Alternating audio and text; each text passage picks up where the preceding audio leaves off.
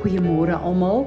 Ek groet vanoggend vanuit 'n baie baie nat Vrystaat en ons vertrou Vader God om die reën te administreer oor elke boer se plaas sodat ehm um, die oeste, die oeste sal wees wat uh, hulle nodig het, maar ook wat sy naam sal verheerlik.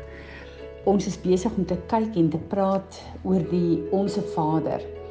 En ehm um, vir my bly dit net so 'n wonderwerk om te sien hoe die Here elke keer net nuwe openbaring en nuwe fokus bring deur hierdie gebed. Dan besef ek dit wat Jesus kom leer het vir sy disippels en so ook vir ons is 'n fondasie en 'n persepsie van wat gebed behoort te wees wat ons elke een uh, behoort te aktiveer na 'n plek toe waar ons uh, dit as deel van ons gebedslewe sal uh, gebruik as 'n raamwerk. Ehm um, In die Onse Vader staan daar forgive us our debts as we forgive our debtors. Dis baie belangrik vir ons om te weet dat vergifnis is nie net iets wat ons doen vir ander mense nie, maar vergifnis is iets wat 'n direkte uitwerking in ons eie lewe en ons verhouding met die Here het.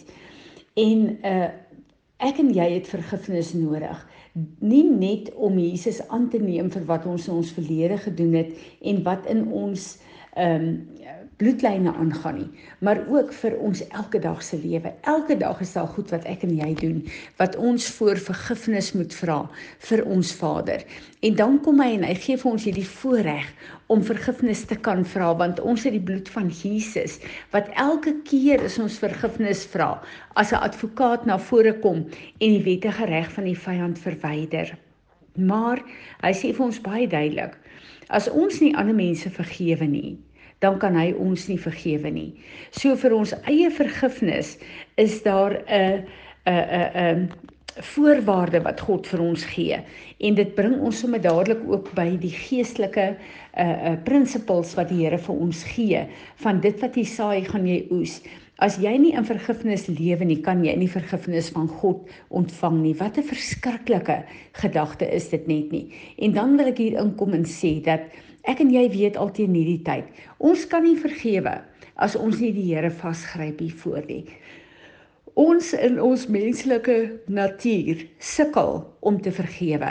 Want wanneer ons mense goed vir ons aan ons doen, dan sukkel sukkel ons met offense, ons sukkel met ons opinies, ons sukkel met judgement en uh dit is areas in ons lewe wat ons moet toelaat dat die Heilige Gees ons deurvat, want ons as mense het nie vermoë om dit te doen nie.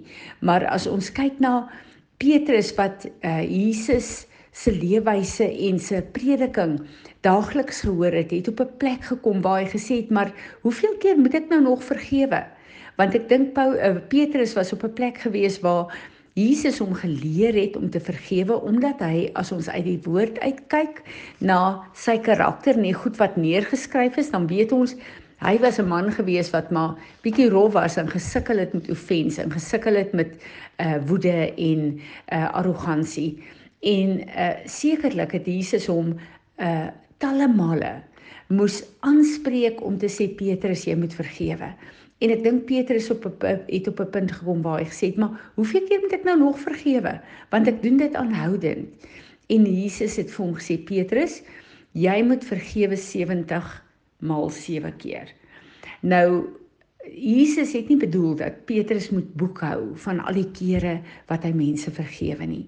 Jesus het 'n 'n 'n prinsipel in sy lewe, 'n fondasie in sy lewe kom lê om te sê Petrus, hier op aarde gaan jy baie keer offend word. Mense gaan baie keer teen goed teen jou doen.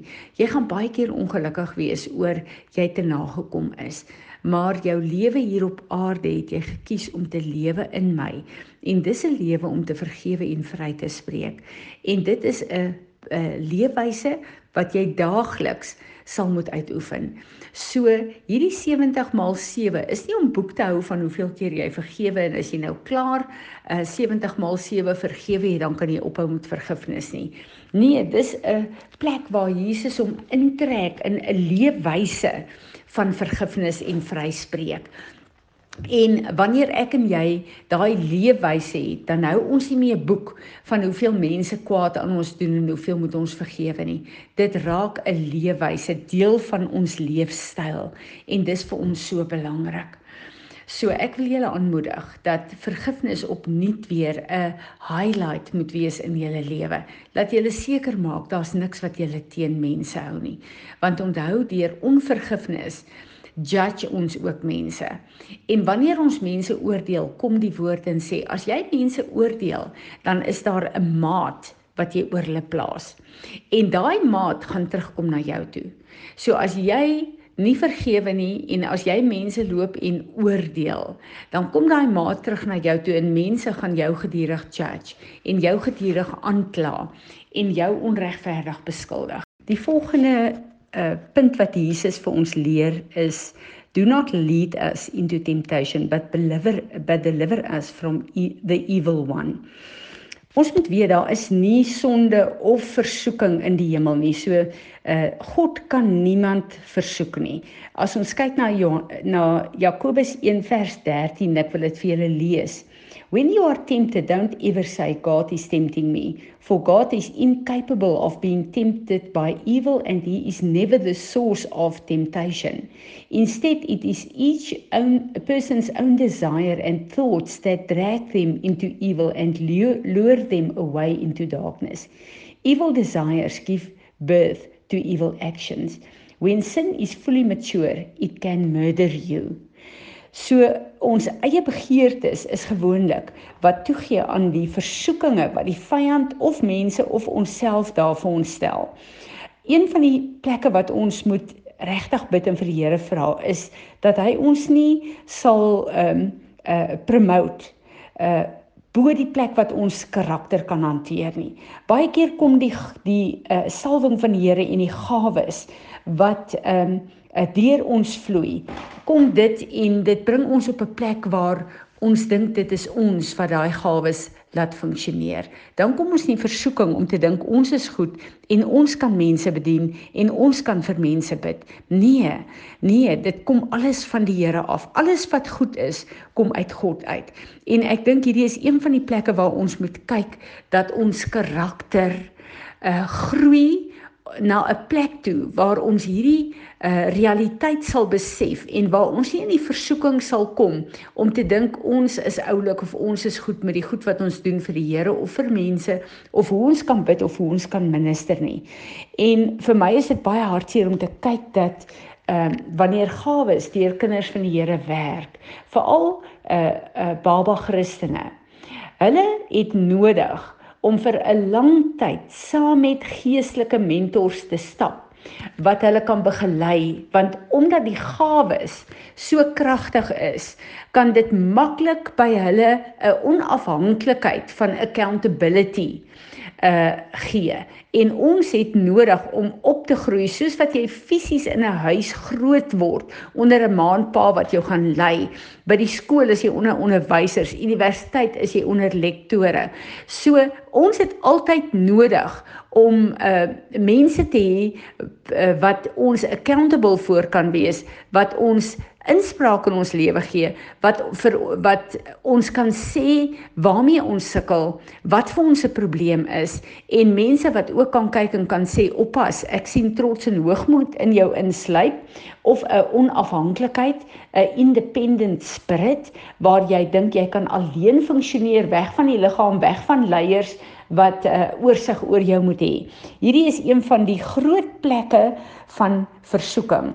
So ons dink altyd aan versoeking, al hierdie sonde wat ons van weet. Moenie vloek nie, moenie rook nie, moenie drink nie, al daai tipe van goed. Nee, die grootste versoeking is om op 'n plek te kom waar jy dink jy kan sonder God funksioneer.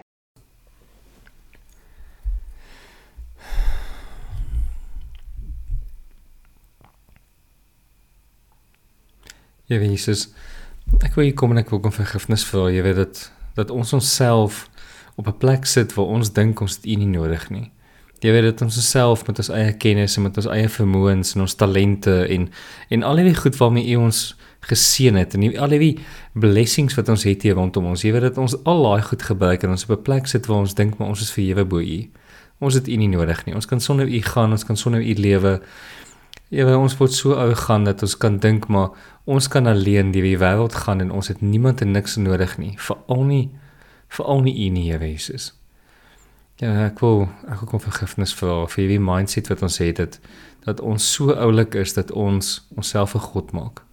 Ek wil kom vergifnis vra vir dit. Kom beweeg ons harte oop. Kom beweeg ons harte oop in die in 'n plek waar ons dink maar iemand het my te nagekom. Ek kan hulle nie vergewe vir dit nie. Ek kan hierdie ding is net te groot. Ek meen mense het nie nodig om dit te vergewe nie. Ek gaan ek gaan hierdie nog 'n bietjie teen iemand hou en ek en ek wil eintlik nie vergewe nie. Jy kom beweeg hierdie klip uit ons harte uit. Kom gee ons 'n hart van vlees soos wat U Jesegiel vir ons sê. Die ons wil nie weer hou daar te hê nie. Ons wil nie verhard wees in die wêreld en so lewe nie. En daardeur onsself onttrek en onsself op 'n plek sit waar ons onsself so isoleer dat ons dink ons kan alles self doen, Here. Here, as ons na hierdie goeie kyk, begin ons eintlik eers verstaan hoe hoe ons versoek word en hoe ons in die in die gat trap. Here van sonde. Here help ons elke dag om om agter U aan te loop. Here, U sê in 1 Korintiërs 10 vers 13 dat U nie sal toelaat dat ons meer versoek word as dit wat ons as ons menslike vlees kan hanteer nie, Here.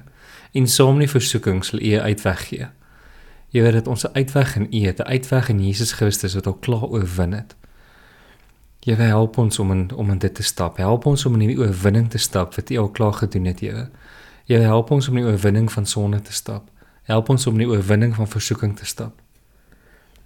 Jy weet dat ons in hierdie proses kan begin om te kan heers oor versoeking, Here. Jy weet dat ons saam met U in hierdie proses kan ingaan, dat ons saam met U kan uit versoeking kan uitkom, Here. Soos wat U sê, weerstaan die duiwel en hy sal van jou wegvlug. Here help ons om in hierdie proses te wees. Here help ons om nie hoogmoedig te wees en te dink ons kan alles self doen nie. Help ons om nie onsself so te isoleer nie. Here help ons om nie offens te vat van mense af en te dink maar hier's ietsie wat ons nie hoef te vergewe nie. Here ons weet nie eers waar ons harte is nie. Here ek wil vir vra om vir ons te kom wys elke plek wat ons nodig het om te vergewe. Here en daar waar ons sukkel daarmee. Here ek weet ons kan nie, maar U kan. Jy weet daar's soveel goed in my lewe wat ek moet vergewe, maar ek weet ek kan dit nie alleen doen nie, maar ek weet U kan dit doen en ek kan saam met u kan ek dit vergewe. Ja, help ons om in daai prosesse in te gaan. Help ons in prosesse van vergifnis in te gaan en help ons in die proses in te gaan van oorwinning oor versoeking, Here. Dankie vir u oorwinning in die kruis. Dankie vir wat u is en dankie dat u ons opbou en ons deur hierdie lewe vat. Dankie daarvoor, Here. Amen.